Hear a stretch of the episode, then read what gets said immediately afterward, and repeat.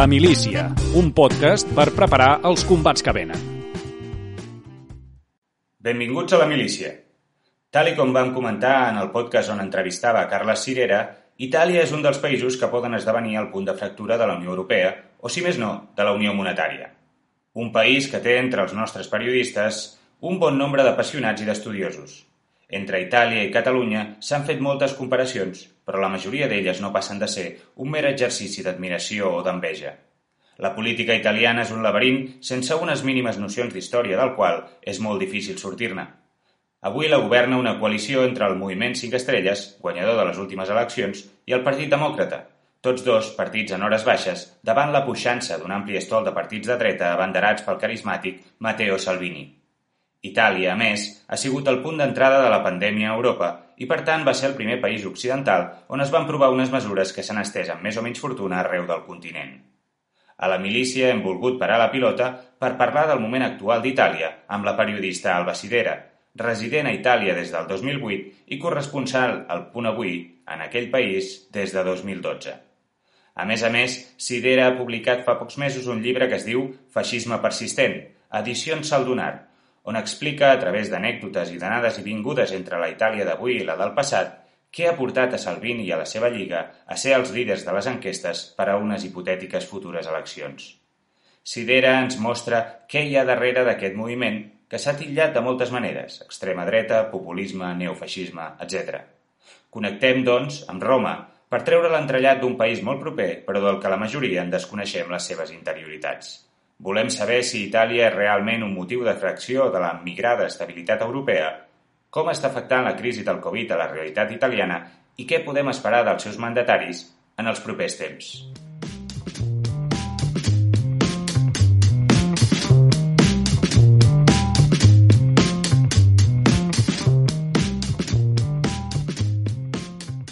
Alba, benvinguda a la milícia i gràcies per atendre la nostra trucada. Gràcies a tu per convidar-me. Durant aquests mesos, des de que es va estendre la pandèmia, sent Itàlia un dels punts d'entrada del virus a Europa i on, on primer va, va impactar-hi, les teves cròniques, tant al Punt Avui com al Digital Contexto, han anat dibuixant un panorama que aquí, poc després, en, ens ha resultat també familiar. Explicaves que per la pressió de la patronal, alguns dels focus de contagi a la Llombardia, que crec recordar principalment, no es van arribar i que això hagués evitat moltes morts. Avui, a finals de juny, quan gravem aquesta, aquest podcast, com està la situació a Itàlia respecte al virus? Um, bé, sí, per ara la situació doncs, es dona per, uh, per controlada, tot i que, per exemple, avui eh, la meitat dels nous casos, que, dels nous contagis que hi ha hagut han sigut a la, a la Llombardia, que continua tinguent pacients ingressats a, a les UCIs i continua, és la, continua sent la regió eh, més afectada. Clar, perquè parlar de, de l'epidèmia de coronavirus aquí a Itàlia és parlar de la Llombardia. La meitat mm, gairebé dels uh, més de 34.000 morts que hi ha hagut són de la Llombardia. Uh, per tant, uh, la, diguéssim que tota l'atenció es concentra en el que passa allà, no? Per això les meves cròniques parlaven principalment de, del tema de la Llombardia, sí. I com, com ha sigut allà el confinament? Suposo que també anava rebent informació d'aquí. Saps que aquí ens van tancar completament, pràcticament no ens deixaven sortir. No sé si a Itàlia també es van produir aquestes, bueno, aquest confinament gairebé que era com un arrest domiciliari o, o hi va haver més variació depenent de la regió? Com, com va anar? No, no, sí, aquí es va fer a, to a tothom per igual. Um, el que va passar és que el, el 8 de març, ostres, ara sembla que, que faci una dècada, he hagut de pensar dos cops. Sí, doncs uh, es, va, um, es va filtrar a la premsa que el govern va a la Llombardia. I clar, hem de, ens hem de situar el 8 de març, eh, en aquí, doncs, a Europa encara no havia passat res greu, diguéssim, i va ser un gran escàndol i molta gent de la Llombardia doncs, eh, va començar a escapar de, de la regió, es van col·lapsar els trens, eh, clar, perquè molta gent d'Itàlia treballa a la regió de la Llombardia, no? La, la regió de la Llombardia és, la, és un dels motors industrials d'Europa i molta gent del sud d'Itàlia doncs, treballa allà. I bé, després a la nit cap a les dues de la nit, em sembla, va aparèixer el primer ministre Giuseppe Conte, molt emprenyat, amb una conferència de premsa molt, molt estranya, molt atípica, feta a través de Facebook, per explicar doncs, que, que, que aïllava la Llombardia i al cap de, de, de poc, de l'endemà, es va decidir que s'aïllava a, a tot Itàlia. I va ser una manera també doncs, de, de no afrontar la situació directament de la Llombardia i ens vam quedar doncs, tot el país aïllat, sí. I les mesures doncs, sí, van ser com, com a l'estat espanyol, diria. Uh, no es podia sortir, bé, els periodistes sí que podíem sortir, teníem un permís per, per, per veure la situació aquesta tan estranya de tot uh, tancat, tot desert, però sí, tothom estava tancat a casa i, bé, sí, el, el lockdown que, que van, van dir aquí. I llavors com, com es va anar produint? Perquè el, les cròniques el que dius és això, que hi va haver, hi va haver demandes per part del territori, per part de molts alcaldes fins i tot, de que aquelles zones declarés, diguéssim, em sembla que deies uh, zona vermella, potser, no, no recordo, però sí. que en canvi això no es va arribar a produir mai. Sí, perquè el que es va fer Um, sí, aquí anava per, anava per colors, això de les zones. El que va passar és que el, a principis de febrer, no, a principis de febrer no, perdona, el, el 21 de febrer uh, van sortir els primers casos no? al, al, al nord, a la Llombardia. I el que van fer és que van aïllar uh, els pobles que, que es veien, on hi havia els primers casos. No? I així uh, es va aconseguir contenir uh, l'expansió. I quan va passar el mateix, el 20 4 de febrer, em sembla, sí, el 20, 23 de febrer a la tarda, a la zona de, de la vall de, de, la, de, la, de la Bergamasca, hi ha un hospital, bueno, doncs allà es va, es va descobrir que hi havia dos casos de coronavirus, no? I és que el problema és com es va actuar de manera diferent, no? El que estaves parlant tu de les meves cròniques, el que he denunciat eh, és que s'ha actuat diferent a les zones on hi havia uns interessos econòmics molt forts de les altres zones. I ara, doncs, fins i tot eh, la Fiscalia ha d'establir si hi ha hagut negligència política eh, amb el no voler aïllar aquelles, aquelles zones no? per, per, uh, per les pressions de, de la patronal i això. Els primers casos que es van, que es van descobrir a, a aquesta zona de, del Zano Lombardo, l'hospital, no es va actuar gens bé, perquè primer l'hospital va estar funcionant com si res. Primer van dir que s'aïllava, després no es va aïllar. Els metges van continuar treballant sense cap mena d'equipament de, i van, van contagiar doncs, a, a, a, la, a tota la comarca, no? I es van anar expandint. I els, els alcaldes de d'aquests dos pobles, de, del poble on hi havia l'hospital i el del costat, Nembro i el Zano Lombardo, doncs van, van demanar que s'aïllés no, la població. Mm -hmm però aquesta, aquests pobles estan al costat d'una vall on hi ha tota una zona industrial, no? un dels pols industrials més importants d'Itàlia. I la patronal, eh, Confindústria, la patronal dels grans empresaris, va estar trucant i va, fa, va fer moltes pressions, bueno, ho han reconegut, perquè no es tanqués, perquè no s'aïllés, perquè llavors s'haguessin hagut de tancar les fàbriques. I, per tant, doncs, això no, no va acabar passant mai. I, per tant, les fàbriques van quedar, la majoria van quedar obertes que va ser una decisió... Perdona, perdona que t'he interromput. No, digues, digues. Bé, si m'has preguntat de qui va ser la decisió, aquesta és la gran, la gran pregunta. Sí. Uh, això és el que haurà de d'establir la justícia, no? perquè els familiars de les víctimes s'han s'han unit amb un, amb, amb un grup i han denunciat la situació. I ara doncs, la Fiscalia està, està investigant i ha declarat tant el, el president de la Llombardia com el president de, del Consell de Ministres, no? en Conte, el ministre de l'Interior i el de Sanitat. I, eh, bueno, estan com a testimonis, eh, han declarat, no, no estan pas acusats de res.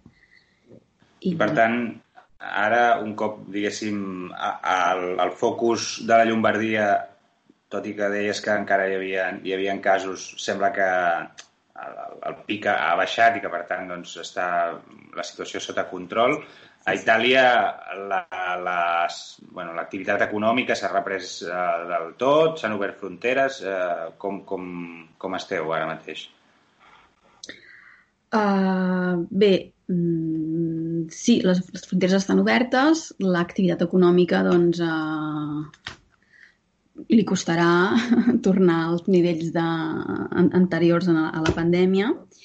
Uh, el que passa és que és això, que hi ha moltes, um, hi ha moltes empreses que no estan qualificades com a essencials, diguéssim, que no van, que no van tancar. No? Aquest és el, és el gran tema, diguéssim, de la Llombardia, a part de, de la sanitat.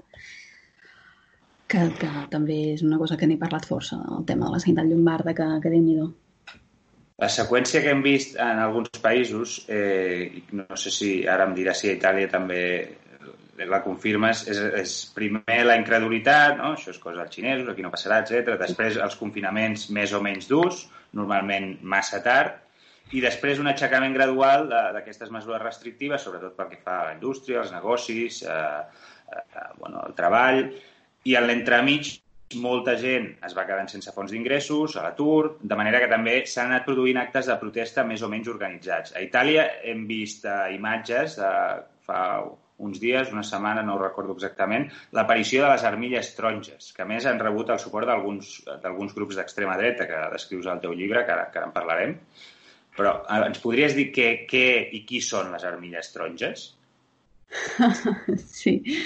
Bé, és l'enèsim grupet... Eh... Bé, és, és un fenomen curiós. No sé bé quan...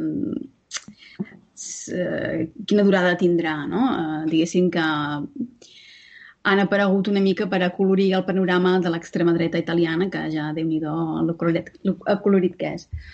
Doncs uh, és un grupet que um, agermana gent d'aquesta mm, que neguen uh, bueno, aquí se'ls se anomena terrapianisti, no? Aquests conspiracionistes que, que neguen, per exemple, l'existència del virus i tal, amb gent d'extrema dreta uh, directament feixista. I aquesta gent uh, Bé, doncs això, van fer una manifestació, per exemple, a, a Milà, que és la capital de la Llombardia, mmm, sense cap mesura de protecció, ni res, ni mascaretes, ni res. I, i aquí a Roma també, i aquí a Roma fins i tot a, a, el tio portava un megàfon i deia doncs això, abracem-nos tots, no? no fem cas al que diuen, de, ens estan manipulant i tal igual, i, i aquest, aquest que cridava això portava una armilla taronja i al costat hi havia un, un paio molt conegut d'això de l'entorn de l'extrema dreta feixista d'aquí d'Itàlia, no? que estan dividits en molts grupets, perquè també llavors hi ha els que s'han manifestat al costat de l'extrema dreta parlamentària, no? que és la Salvini i Giorgia Meloni, vull dir, està, està força repartida l'extrema dreta. I aquests dels, dels armilles taronges doncs són... Bé, el... què, què demanen exactament? Vull dir, que, que, quin és el seu...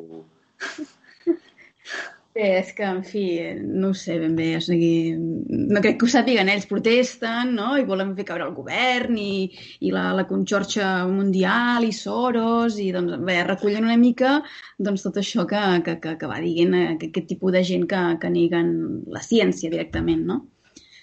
Uh bueno, doncs entrem, ja que m'estaves dient que això està dividit, aquest, aquesta extrema dreta, aquest neofeixisme està dividit en, en nombroses parcel·les, eh, doncs precisament fa pocs mesos l'editorial Saldonar va publicar, va publicar el teu llibre, Feixisme persistent, una crònica periodística molt ben documentada, escrita en un estil, estil senzill, dit en el millor sentit, i que traça el recorregut sencer per l'espectre aquest que anaves, que deies ara, de, de la dreta italiana, des del centre-dreta més conservador, i tu ja en faràs tots els matisos que, que calgui, fins al neofeixisme. Per començar, voldria que ens expliquis, que ho fas en un dels primers capítols, una mica la qüestió de la nomenclatura, perquè avui si passegem una estona per les xarxes socials sembla que tot sigui feixisme, no? I això genera el problema que, que acabem confonent una mica les coses i acaba banalitzant el concepte. Podries explicar pels oients eh, que encara no hagin llegit el llibre, que ben segur ho faran, eh, com defineixes tu aquests termes? Ah, sí, aviam. De... De fet, tot el llibre pretén fornir elements perquè al final doncs, el lector acabi pensant per ell mateix i decidint si, per exemple, uh, Salvini és feixista, si Trump és feixista, si tal i qual. No? O sigui, jo tampoc vaig dient molt clarament, no? vaig, vaig explicant una mica a través de, de fets històrics i, i tot plegat, Uh, perquè si trobo que una de les, um, un dels pitjors uh, favors que s'ha fet a l'antifeixisme és la banalització del mot feixisme, no? de dir feixisme a tothom. Una de les coses que explico uh, al principi del llibre, en aquest capítol que parles, és que aquí a Itàlia, per exemple, sobta molt això, no? Des de, bé, perquè diguéssim que m'he ficat força dintre dels grups feixistes i els he conegut força, i una de les coses que sempre, sempre em deien no? quan, uh, quan sabien d'on venia és que això que, per exemple, uh, que passa a Espanya, no? que gent uh, que fa la salutació feixista per insultar no? els independentistes o, o qui sigui, doncs els diuen nazis, els diuen feixistes, no? Això aquí sobta molt perquè aquí la gent no, no s'amaga, o sigui, la gent que realment és feixista no, té tant, no ha tingut uh, tants prejudicis com a l'estat espanyol no? per, per definir-se feixista. Mm. Per tant, diguéssim que aquí a Itàlia és més fàcil identificar uh, certs tipus de, de, de feixisme que directament doncs, ja se'n declaren, no? Uh, I llavors, doncs, uh, per exemple, hi ha Casa Pound, que és uh, un, un partit, una, una agrupació d'ultradreta que dona suport a Salvini i que va ser, de fet, van ser els anfitrions de Salvini. No? Quan Salvini va decidir fer el pas de, de convertir el que era la Lliga Nord en un partit eh, nacionalista italià a l'estil de, del Front Nacional, no? del que llavors era el Front Nacional de la seva amiga Marine Le Pen, doncs eh, el primer míting que va fer aquí a Roma va ser amb els anfitrions de Casa Pound, que és un partit declaradament feixista. No? Ells, ells s'autodefineixen els feixistes del tercer mil·lenni. Per tant, eh, Salvini tria uns companys de viatge no? directament feixistes. I mm, jo no defineixo Salvini com a feixista.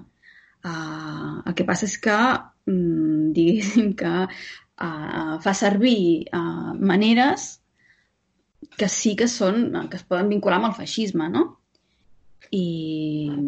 També fas la distinció entre ultradreta i extrema dreta? Com... Sí. Bé, això uh, una mica, diguéssim que hi ha els autors o diferents, depèn dels països, es, es fa d'una manera o d'una altra, no? Però diguéssim que a casa nostra hi ha força consens en, en definir això. L'extrema dreta seria el gran grup i la, de, de la dreta doncs, que no és, uh, que està més enllà de la dreta conservadora, no? I la ultradreta és la dret, és l'extrema dreta que no renuncia a l'ús de la violència, no? que són aquests uh, grups uh, esquadristes, no? de formació paramilitar, uh, Alba Daurada, Casa Pound, Força Nova, no? que són aquests els, els que parlo. I al llibre doncs, parlo d'això, de la relació entre aquesta extrema dreta parlamentària, no? com Salvini o Giorgia Meloni, amb, amb aquesta ultradreta d'aquesta gent doncs, que són a, a, això, l'ultradreta violenta doncs, que apallissa minories pel carrer i, i, i tot plegat. Sí, si et sembla bé, eh, intentant no tampoc, perquè vull dir, el llibre té molta teca, però m'agradaria parlar breument una mica de tots aquests actors que surten al teu llibre, que, que intervenen en aquest arc polític que, que vas desplegar, no? Mm. Si et sembla bé que anem, anem un a un i ens fas cinc cèntims una mica de, dels seus orígens, les diferències i els vincles que hi ha en cadascun, eh, i començaríem per l'artefacte de Silvio Berlusconi, Forza Itàlia, que va ser el pal de paller de la dreta italiana durant molts anys, i que avui, què, què és avui Forza Itàlia sense Berlusconi? Bé, no, Berlusconi encara hi és, i, ah. i sí, però bé, és que ja, la pregunta ja indica que està molt de capa caiguda, no, pobret? Uh, sí, a veure, Ui, Berlusconi és l'inici, no? és el pare de tots els grans populismes de dreta actuals. I mm, bé, aquí, aquí a Itàlia, és que aquí parlem de Salvini com per, um, per anar ràpid, no? Però no hi ha només Salvini tot sol eh, el que, eh, si ara, per exemple, es fessin eleccions, com, com van ser a les passades i tot, doncs es presenten amb una coalició. És una coalició que aquí a Itàlia tots els mitjans, fins i tot els mitjans de progressistes, eh, n'hi diuen el centre-dreta. No? I aquesta coalició de centre-dreta és eh, Salvini, el partit postfeixista Germans d'Itàlia, de la Giorgia Meloni, i Berlusconi. I Berlusconi, doncs, eh, to, tota la vida havia sigut el, el partit principal i eh, tenia com a socis els, els postfeixistes i la Lliga Nord, no? l'aleshores Lliga Nord. I així és com eh, va ser que, eh, després de la Segona Guerra Mundial, doncs el, els, un partit neofeixista va, va tornar al poder, no? va ser de la mà de Berlusconi. No? Per això jo dic que va ser el primer que va blanquejar el feixisme no? a, gran, a gran escala va ser ell que...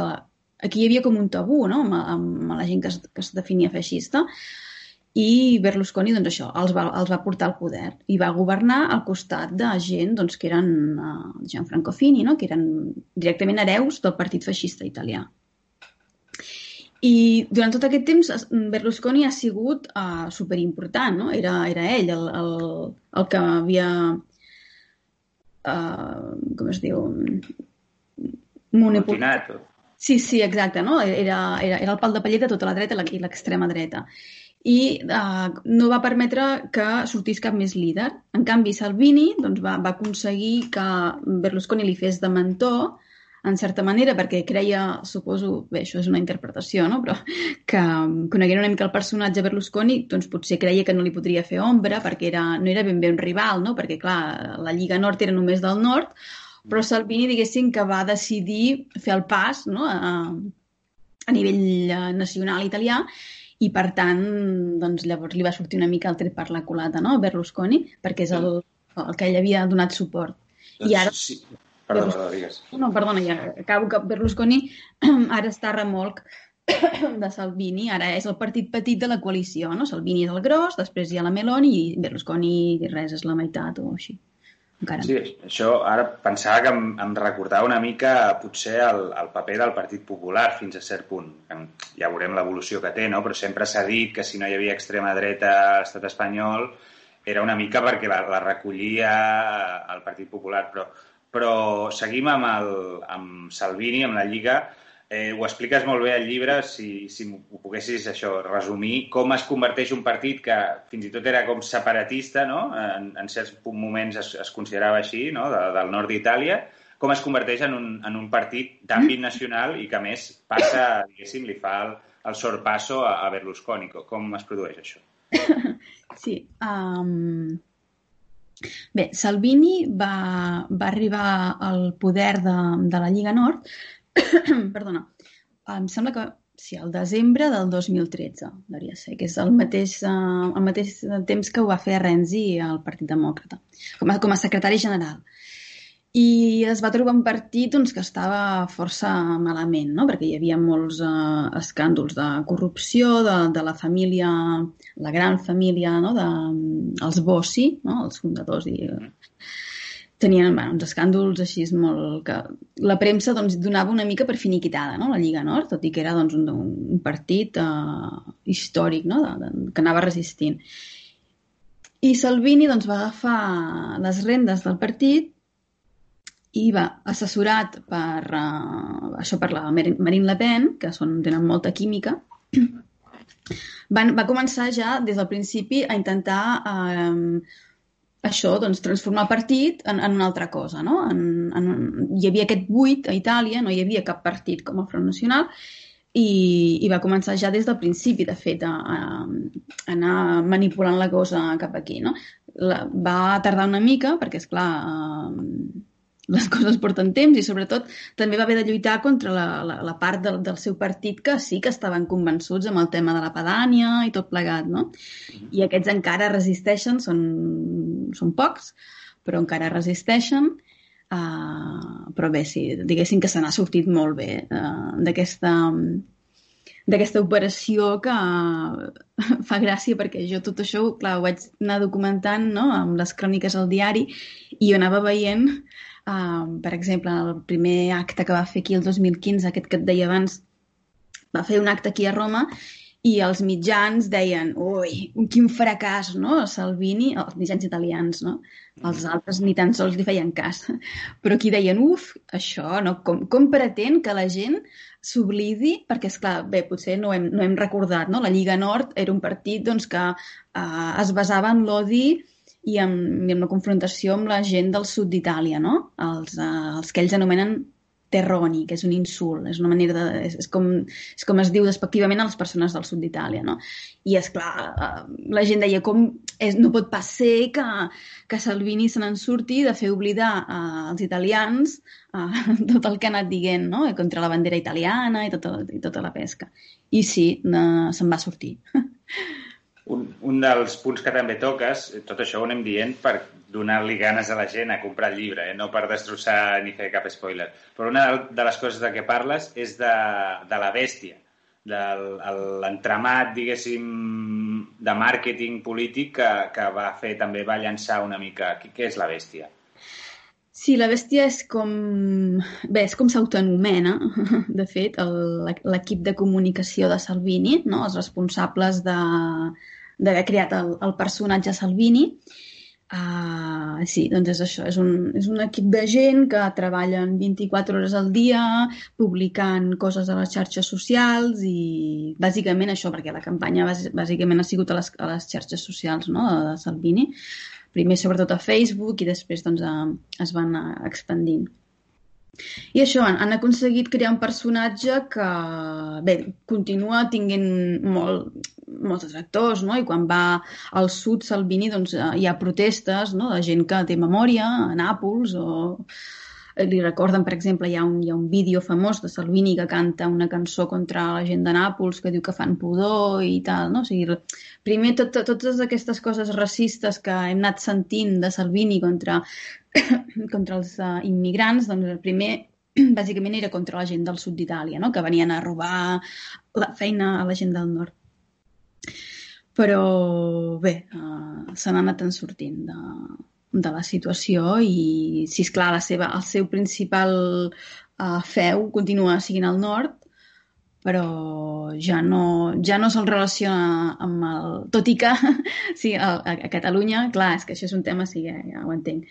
Clar, aquí a Catalunya sí que es continua parlant molt, no? que si la Lliga Nord, que si l'independentisme i tot plegat, però bé, aquí a Itàlia la cosa ha quedat ja força... Sí, hi ha aquella imatge que surt amb una estelada, crec que de tant en tant, no? Sí, van... hi ha dues, hi ha dues fotos de Salvini amb una estelada uh, i amb una guicorrinya i una bandera de, em sembla, escocesa. N'hi ha dues, sempre són les mateixes. Uh, I si n'hi ha dues, doncs és per alguna cosa, no? Vull dir, ja, en fi, també havia sigut, uh, havia, havia participat en, en, en mogudes així de, de centres socials de, de jove, no? També Salvini, o sigui, no, en fi, és que no, res justifica cap associació, crec, no? Però, en tot cas, el, el que ha passat és això, que Salvini ha fet una reconversió, no? Va veure un buit, va, va saber aprofitar l'ocasió i, doncs, uh, això, uh, ha creat un partit nacionalista italià. I, per tant, doncs, el tema de, de l'independentisme padà i tal, tot això que s'havien muntat, uh, doncs, uh, ha quedat força desmantellat.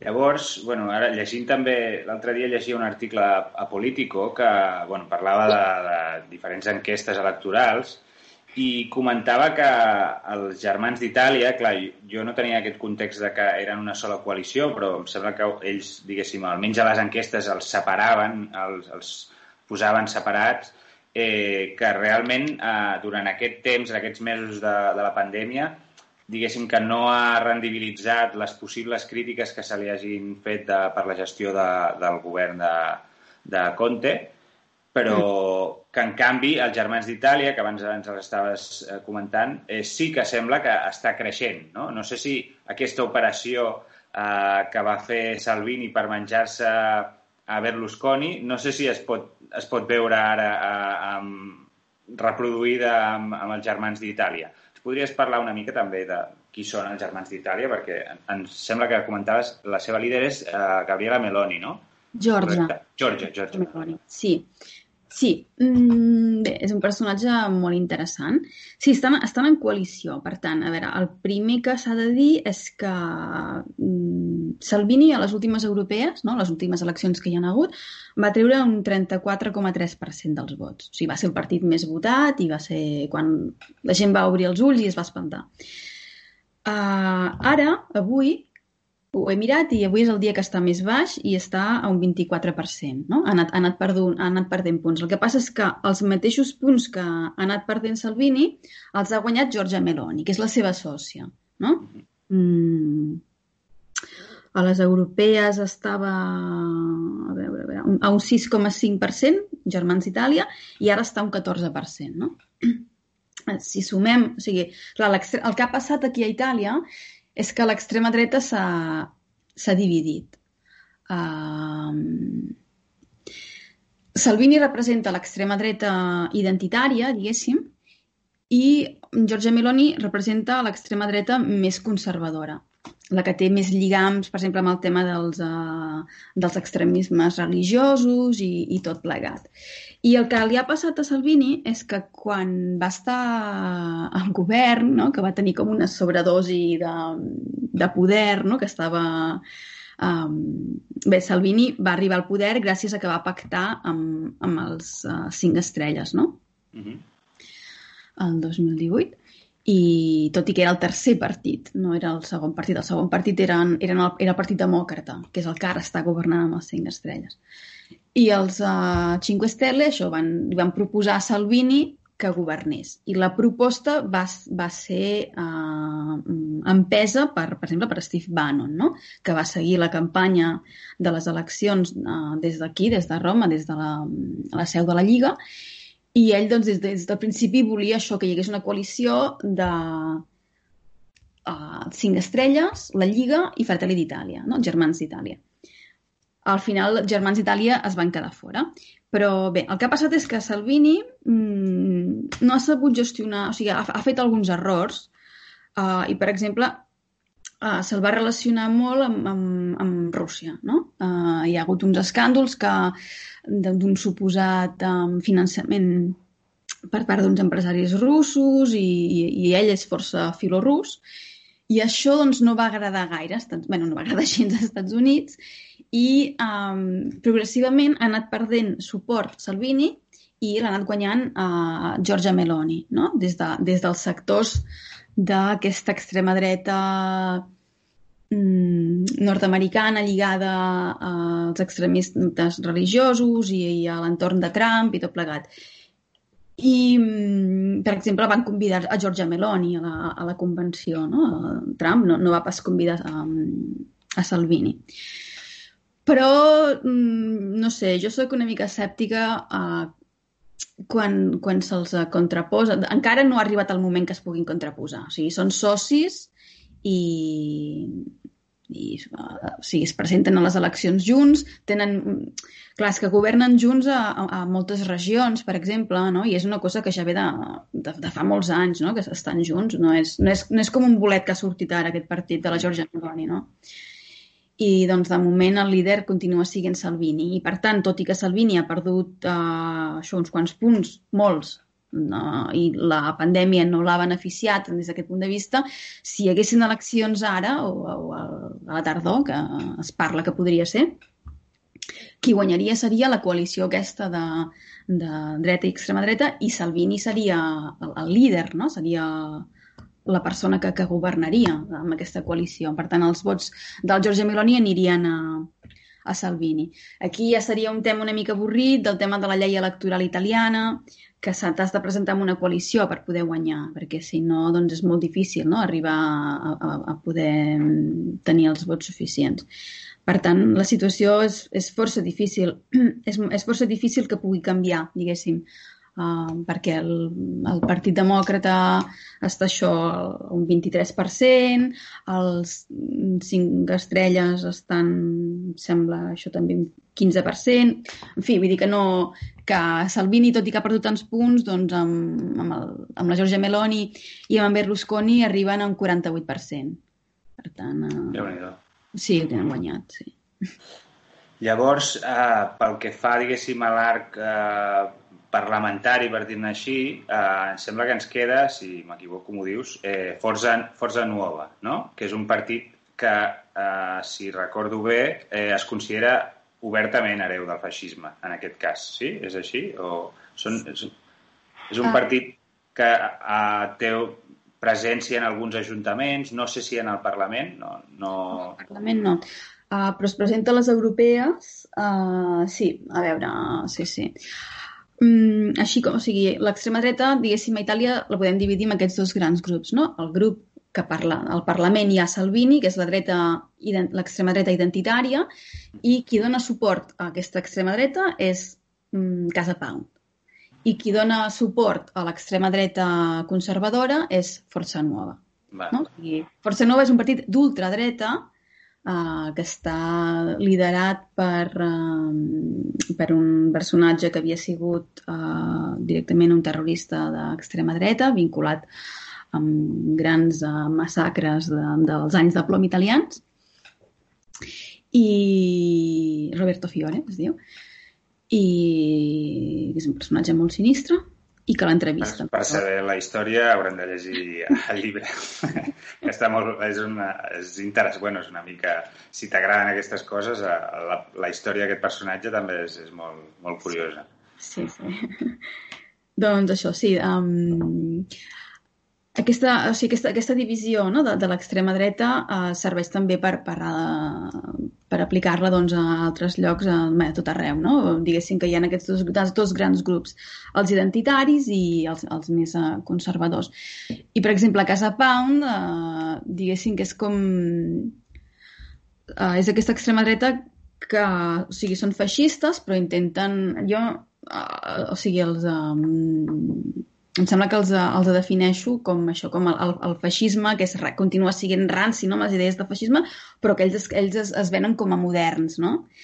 Feixisme en... hipster, no? Em sembla que dius. Són hipsters, sí.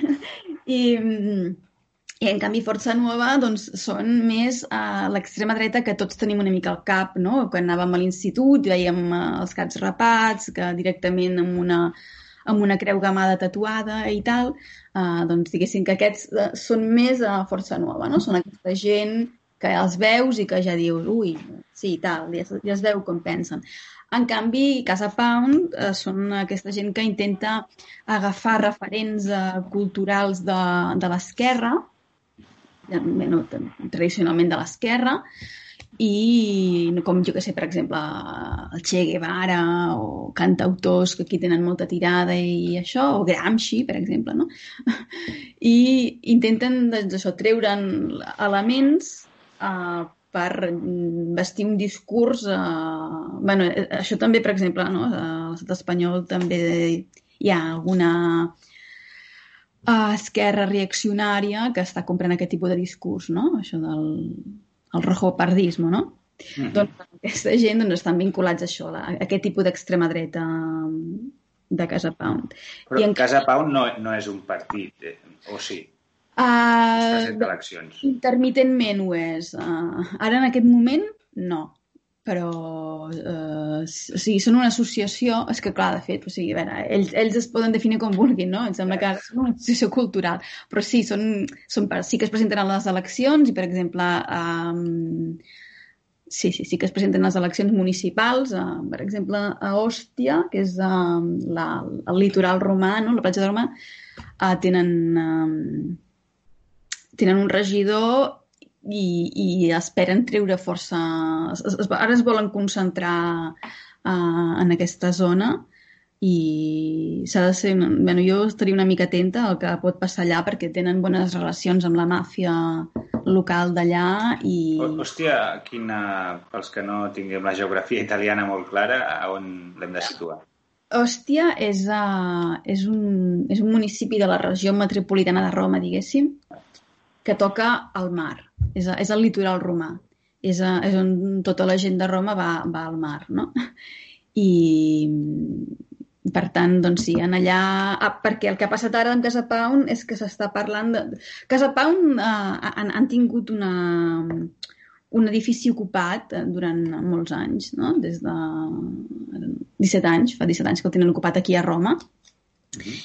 i era el seu, el seu quartel general.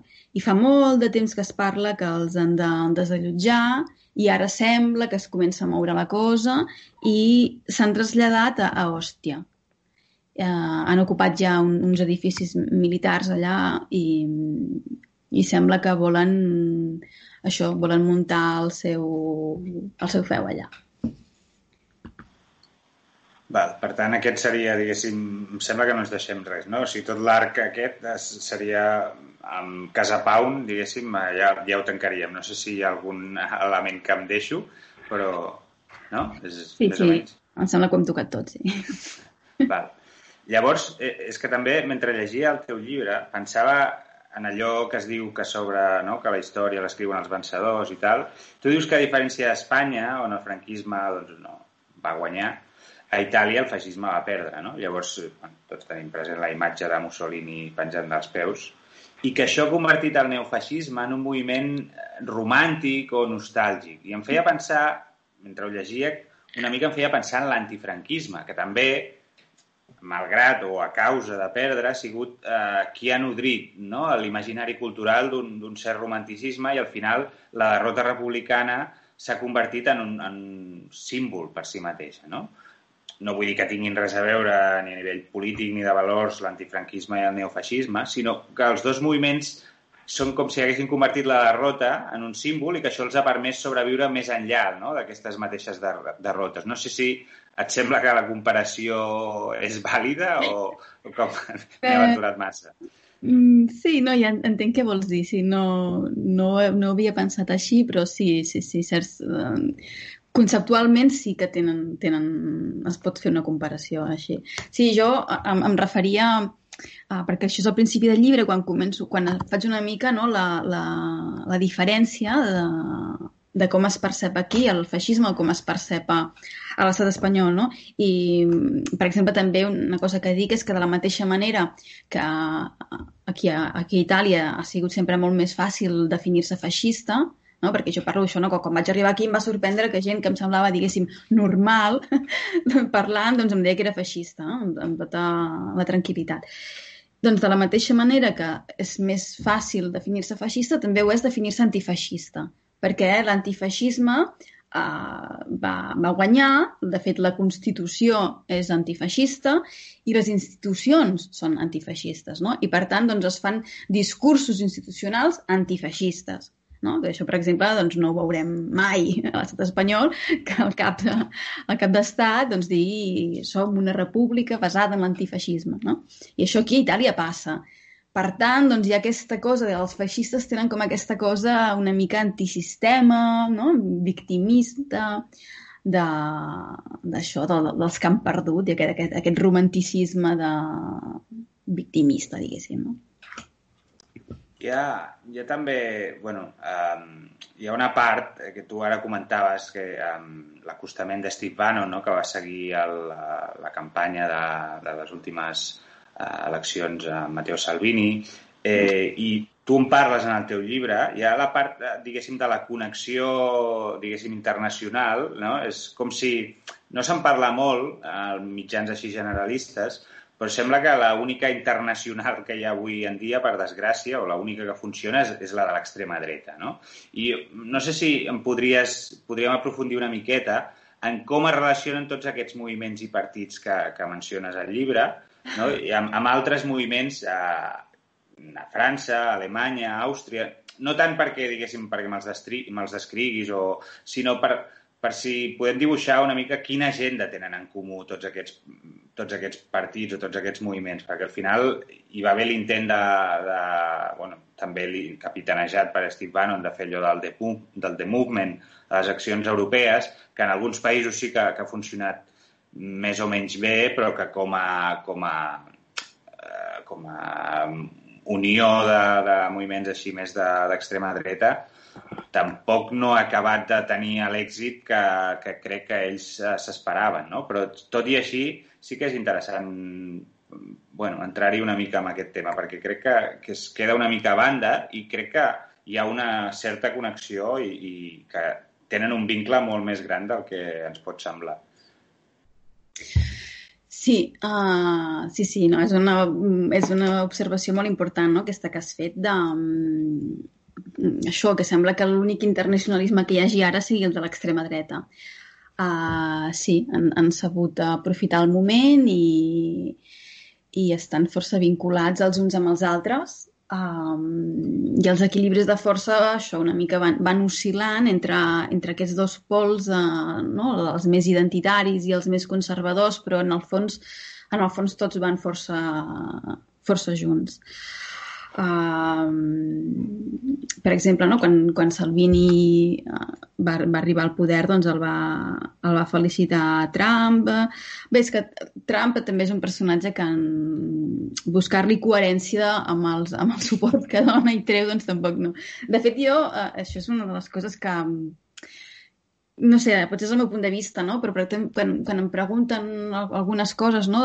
l'explicació de, de, de certes coses, jo trobo que també és, és um, això, intentar buscar coherència amb, amb moviments populistes, uh, doncs no, no, no li trobo molt, molt, molt de sentit, no? perquè també doncs, es mouen una mica segons la, la conveniència. No? Per exemple, Salvini és força un exemple d'això, no? com, com va poder passar de literalment cagar-se una bandera italiana eh, doncs, a està totalment vestit amb mascareta de la bandera italiana, samarreta amb la bandera italiana, no? O sigui, clar, per tant, doncs una mica es mouen, depèn de, del que els convé. I sí, tota l'extrema dreta, doncs això s'agrupa segons les seves preferències, no? Com per exemple aquests a Àustria del, del moviment identitari, amb, amb França també tenen molt, molta tirada cap a, cap a Casa Pound i Salvini, perquè venen més d'aquesta extrema dreta més laica, diguéssim, uh, mentre que a altres llocs, no, com uh, Polònia, doncs, poden tenir més tirada per donar suport a, a Giorgia Meloni, als ultraconservadors... Uh, bé, sí. Crec que, Pau... No, no, no, no, no havies acabat. No, no, perquè pel que m'estaves dient, sí que és veritat que costa una mica veure això que deies de la coherència, però pel que, pel que m'expliques és com que hi ha un punt que veig bastant de, de diferència, que és el paper de Rússia una mica, no? Perquè entenc que, eh, per exemple, a França, eh, amb la Le Pen, com comentaves abans, que hi ha hagut casos de, de Salvini que, que sembla que indirecta o directament doncs, Putin ha finançat alguna de les campanyes, o no sé exactament eh, però que a, a França ha passat el mateix. Han sortit casos de que el partit de Le Pen també ha sigut finançat per, per, per Rússia, per, per Putin, no? I, I sembla que, per exemple, a Polònia mm, els russos em sembla que no els poden ni veure, no? Vull dir que és com si que aquest sigui el, el punt de, de, de fricció entre, entre l'extrema dreta, una extrema dreta i l'altra, no? Sí, sí, no, ben vist, sí, sí. El tema de Rússia és, és també un, un bon separador d'extremes de, dretes. No, no sé quina relació, o sigui, més enllà de més enllà d'aquests casos que dius que, que han sortit, eh, quina relació creus que hi ha? O sigui, quin, a nivell geopolític eh, i a Salvini per què li interessa estar del costat? O és una qüestió purament, diguéssim, d'intercanvi de favors eh, entre, entre el seu partit i Putin? O és hi ha una cosa més enllà, diguéssim, que hi ha un, un, un interès en, en buscar relacions, aliances, eh, diguéssim, diplomàtiques o més enllà de la pura, no, del pur context. Uh, la veritat és que no crec que ningú pugui saber ben bé els motius, però mm, s'ha de dir que Itàlia té una, té una tradició ja de, de bona relació amb, amb Rússia. Ja Berlusconi, per exemple, tenia, bueno, té molt bona relació amb Putin. Uh, són, tenen una relació econòmica molt important els dos països i, per tant, la dreta, l'extrema dreta italiana bé, i de fet tots els partits, és que també de fet no, també l'esquerra per altres motius, doncs han tingut sempre força bona relació amb Rússia, Itàlia. És, és, un, és un cas particular, diria, el tema, el tema d'Itàlia, no? no no s'acaba mai d'atacar uh, amb força a Rússia des d'Itàlia, uh -huh. per exemple. Bueno, eh, no, no t'entretindré molt, molt més, eh, però sí que, bueno, aquí a la milícia sempre demano als convidats, als entrevistats, que facin una mica de, de predicció. Ja, ja sé que tot això és, és difícil, però bueno, m'agradaria, si fos possible, que en base a tots aquests elements que hem anat veient, que, que, que em diguis què podem esperar de la política italiana els propers mesos. Comentaves que potser hi ha unes eleccions previstes eh, en un, a la tardor, deies. Eh, tampoc no és que, vull dir, que facis apostes ni que endevinis el futur, però sí que ens expliquis com veus el panorama coneixent com, com coneixes el país una miqueta. Bé, uh... jo crec que, eh, a veure, si hi haguessin eleccions, guanyaria aquest grup que està liderat per Salvini, no? que, que ara parlàvem de Salvini, de Meloni i Berlusconi. Um, per tant, no hi ha gaire interès a eleccions. No? El, els partits que estan al govern, que són els Cinque Stelle i el Partit Demòcrata, no té cap mena d'interès a anar eleccions perquè no podrien aconseguir guanyar. Um, doncs uh, una de les coses que penso que pot passar uh, és que si jo crec que el, que el govern uh, anirà aguantant tant com pugui. Um, una de les coses que podria passar, que ho comentava en un dels últims articles, és que si calgués canviar de govern, diguéssim, es fes una espècie de govern tècnic, no? com, el, com el que va haver-hi amb, en, amb en Monti. Uh -huh. uh, per exemple, um, Conte va posar al capdavant del tema de la reconstrucció econòmica, no? de qui, ha dirigit el, pla de reconstrucció econòmica a Itàlia, és uh, Vittorio Colao, que és uh, l'exconseller delegat de Vodafone, ho va ser durant dos, 10 anys i també ha, ha treballat així per uh, bancs d'inversions nord-americans i, i tal. Um, I és la patronal, no? que abans parlàvem, no? per, per tancar una mica el cercle de, de la conversa, um, la patronal dels grans empresaris d'aquí a Itàlia. A veure, uh, jo en parlo molt perquè aquí és un actor molt present, no? A, a tot arreu, tots els països, uh, els grans poders econòmics tenen possiblement el mateix pes. El que passa és que a Itàlia doncs, és, és, és força evident, no? perquè és un actor amb nom i cognoms bé, i, i, s'hi posa pel mig. No?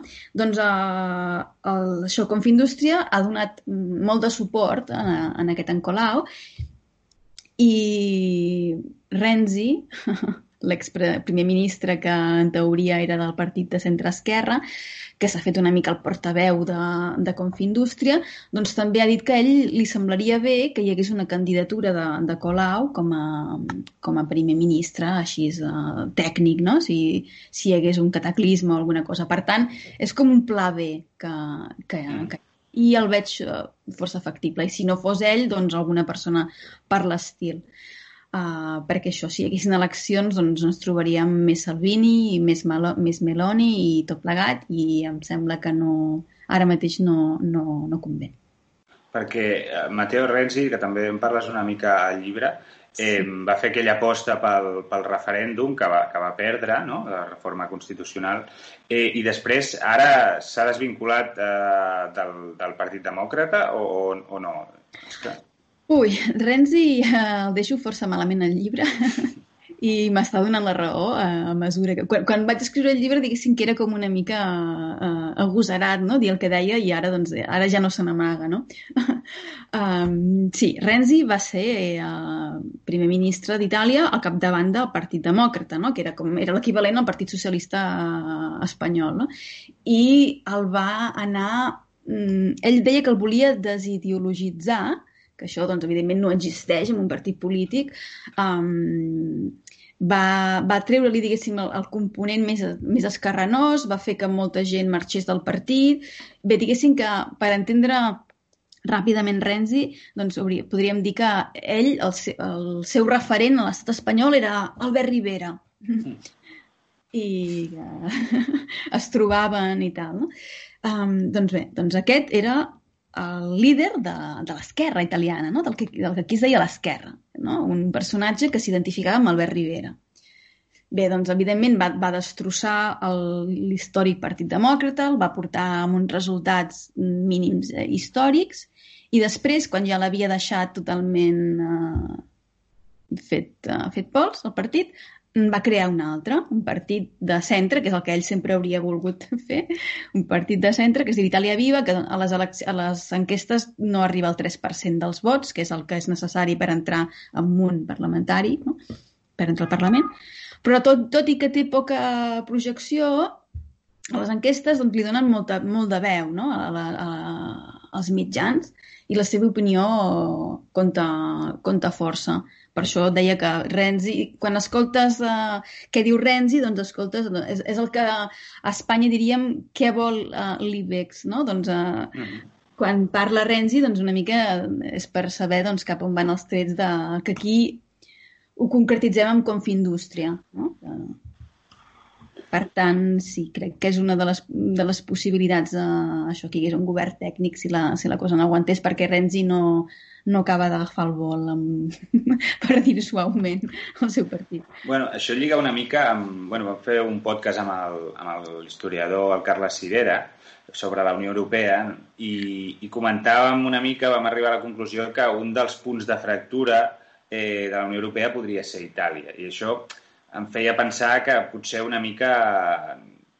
Clar, pot ser que ara, ja veurem com, com va tot plegat, però que vingui una crisi econòmica més o menys forta, això no, no ho sabem, mm. però que aquest govern tècnic que tu comentaves podria ser, diguéssim, una peça per, diguéssim, uh, si en algun moment hagués de, de demanar algun rescat o hagués de no, hagués d'adaptar les polítiques europees a, a Itàlia, doncs podria ser un actor idoni. Però això, no sé com ho veus tu, eh, això encara donaria més veu als, als euroescèptics, al, no sé com es diu, ITEX, no sé, el, la frase aquesta del...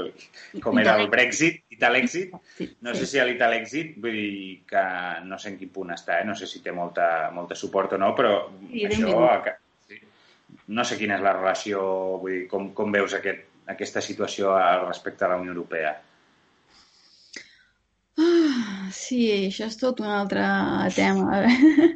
A veure, aquí a Itàlia, per exemple, mm, comparant-ho amb Espanya, no? l'extrema dreta no ha fet tanta campanya contra el govern uh, per molts motius, no? Però diguéssim que quan han fet protestes i això, doncs, uh, carregaven molt contra les institucions europees, no? I sí, l'extrema dreta ha capitalitzat força el descontentament general que hi ha hagut a Itàlia amb el tema de bé, doncs, la inoperativitat d'Europa davant de, de la pandèmia, no? que aquí doncs, ens van, hi va haver la sensació que estaven, ens deixaven totalment abandonats i, i això doncs, eh, l'extrema dreta ho, ho ha sabut eh, canalitzar. I sí, no hi ha gaire no hi ha gaire confiança amb les institucions europees a, a Itàlia, ja des de fa força anys, a totes les enquestes. I mm, sí, com, com m'has preguntat? Com m'has com posat la pregunta, que no recordo? Bueno, no, et preguntava una mica si aquesta que, per exemple, un govern tècnic, com tu comentaves, no? que ah, sigui sí, per, no? relacionat una mica amb, amb el, les polítiques europees que puguin venir donades arran de la crisi econòmica, que això al final acabarà, acabarà donant més, més no? tirant més llenya al foc a aquest euro, euroescepticisme. Com... No? Sí, sí, sí. Uh, sí, seria...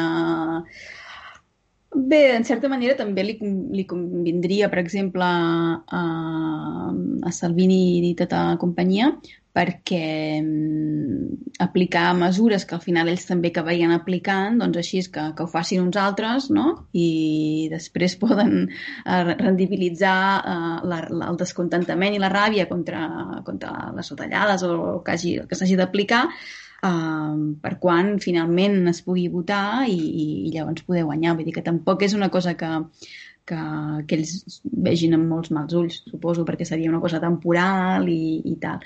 Però bé, que això seria si caigués el govern i, eh, i et dic que mm, no tenen gaire intenció de, de deixar que caigui, perquè a més a més llavors també d'aquí un temps hi ha d'haver l'elecció del president de la República que s'ha de fer a través de, de, de, dels partits, bàsicament, i el govern, per tant, mm, tampoc els interessa perdre el poder, no? O sigui... ah, perquè el mandat va, va diguéssim, va, des, desquadrat amb el mandat Sí. del govern, no? Sí, sí, sí. del- Sí, per sort, perquè si no, clar, aquí tenim governs cada, cada tres mesos i en canvi el president de la República dura una mica més.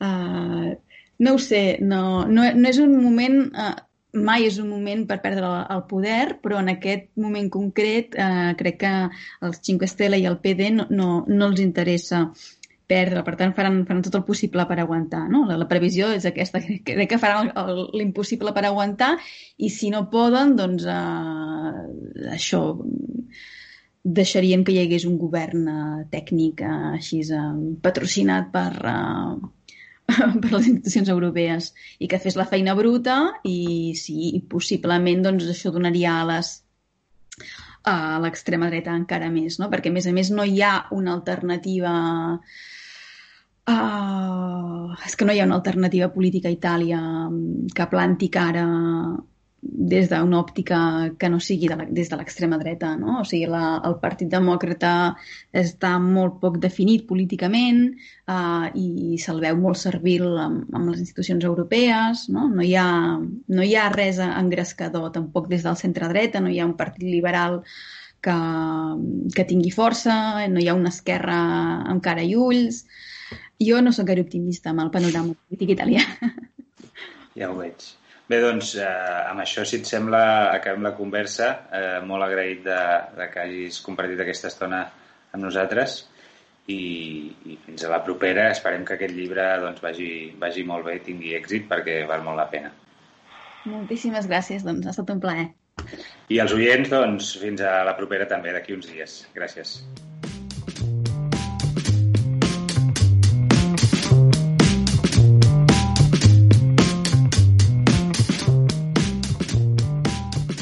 La milícia, amb Josep Asensio.